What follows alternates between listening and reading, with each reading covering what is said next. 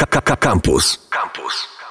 Cześć, Monika Kita. Zapraszam na ekocykl. W dzisiejszym odcinku zabieram Was na łąkę pełną kwiatów, ale wcale nie do parku, tylko na taką prywatną, którą sami możecie sobie posiać. Łąka kwietna to coraz bardziej popularne rozwiązanie w wielu miastach. Jest świetnym urozmaiceniem krajobrazu i przyrody. Słyszeliście pewnie, że na przykład w Warszawie, Katowicach czy Krakowie, ale też w innych miejscach nie są koszone trawniki, na przykład w parkach, na placach czy skwerach. Zamiast tego zakładane są łąki kwietne właśnie, które nie tylko poprawiają estetykę miasta, ale też magazynują wodę i regulują temperaturę w mieście, a tym samym zapobiegają nagrzewaniu się powierzchni gleby. To ważne chociażby ze względu na to, że mamy do czynienia z coraz większymi upałami, czyli postępującymi zmianami klimatu. Łąki w mieście wzbogacają też ekosystem i tworzą tak zwane wyspy różnorodności dla miejskich zapylaczy. Ale to nie koniec korzyści, bo sianie roślin łąkowych daje także oszczędności dla miejskiego czy domowego budżetu. Takich łąk nie trzeba nawozić, intensywnie podlewać ani często kosić. Robi się to zaledwie dwa razy lub raz w sezonie. Dla porównania pielęgnacja trawnika zajmuje dużo więcej czasu. Koszenie powoduje zużycie sporej ilości energii elektrycznej, a spaliny zatruwają powietrze. Łąki kwietne pięknie wpisały się w krajobraz miejski, natomiast kto chce, może też założyć swoją prywatną mini łąkę w ogrodzie, na działce, a nawet na balkonie czy tarasie.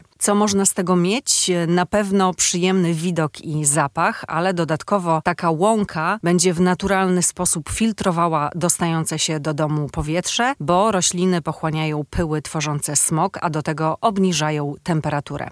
Mini czy nano łąka jest do tego łatwa i tania w utrzymaniu, no i oczywiście pożyteczna dla środowiska, bo jest wsparciem dla owadów zapalających, a dokładnie zapewnia im pożywienie. Bo im większa różnorodność roślinna w mieście, tym więcej zapylaczy. A teraz przejdźmy do rzeczy. Jak zasiać i pielęgnować własną łąkę kwietną, na przykład na balkonie czy na tarasie? Po pierwsze, założenie prywatnej mini łąki nie wymaga dużo czasu i prac pielęgnacyjnych a przyniesie niezwykły efekt dekoracyjny kwitnących kwiatów oraz azyl dla owadów. Nie tylko pszczół, ale też e, trzmieli, chrząszczy, motyli czy biedronek. Kiedy wysiewać nasiona? No właśnie teraz jest najlepszy czas, bo tworzenie mini łąki powinno odbywać się od drugiej połowy kwietnia do lipca, tak aby kwiaty mogły jeszcze wydać nasiona, ale wcześniej trzeba się zaopatrzyć w odpowiednie mieszanki. Najlepiej wybierać rośliny o zróżnicowanej budowie kwiatów i kwitnące w kilku kolorach. To ważne także dla zapylaczy. Im więcej rodzajów kwiatów, tym więcej różnych owadów będzie mogło z nich skorzystać. Istotne jest też, aby rośliny kwitły w różnych terminach, od wiosny do późnej jesieni. Dzięki temu zapylacze będą miały łatwy dostęp do pożywienia przez dłuższy czas. W sklepach ogrodniczych można znaleźć gotowe mieszanki nasion traw i roślin o ozdobnych kwiatach, np. koniczyna, łubin trwały, haber bławatek, mak polny czy lucerna. Dostępne są nasiona roślin jednorocznych lub wieloletnich. Warto zapytać specjalistów w sklepie. Innym, ale jednak dość pracochłonnym sposobem zdobycia zdobycia nasion jest ich samodzielne zebranie. Jak wysiewać łąkę krok po kroku? Najpierw trzeba przygotować nasiona kwiatów, ziemię ogrodową zmieszaną najlepiej z kompostem, dużą donicę lub kilka mniejszych oraz konewkę.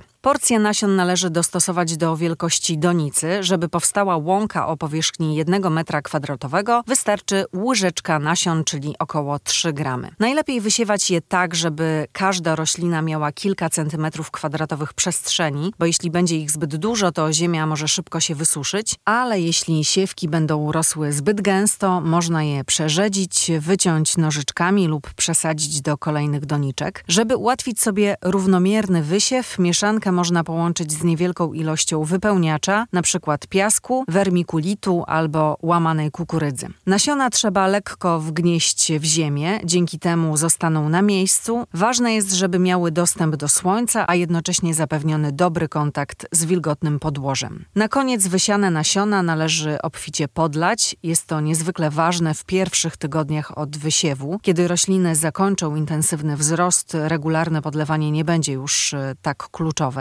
Kwiaty łąkowe potrzebują oprócz wilgoci też dużo słońca, więc koniecznie doniczka powinna stać w ciepłym, jasnym miejscu na zewnątrz i mieć stale wilgotną glebę. To ułatwi kiełkowanie. Tak więc powtórzę ważną zasadę. Balkonową łąkę, w przeciwieństwie do łąki kwietnej rosnącej w gruncie, trzeba regularnie podlewać. Jeśli jest gorąco, to nawet codziennie. Można ją ściąć raz w sezonie, gdy większość kwiatów przekwitnie i w kolejnym roku wysiać na nowo, ale jeśli zostawicie łąkę nieściętą do wiosny, skorzystają z niej larwy owadów. Mam nadzieję, że podrzuciłam Wam pomysł na majówkę albo na inny wiosenny weekend. Zachęcam do stworzenia swojej własnej łąki kwietnej w ogrodzie, na działce, czy też na balkonie albo na tarasie. To jest bez wątpienia świetny sposób na relaks. Możecie patrzeć, jak pięknie rosną dzikie kwiaty i jak przyciągają owady zapylające, które są niezwykle pożyteczne. Życzę Wam więc dużo słońca i obcowania z naturą. Trzymajcie się, do usłyszenia.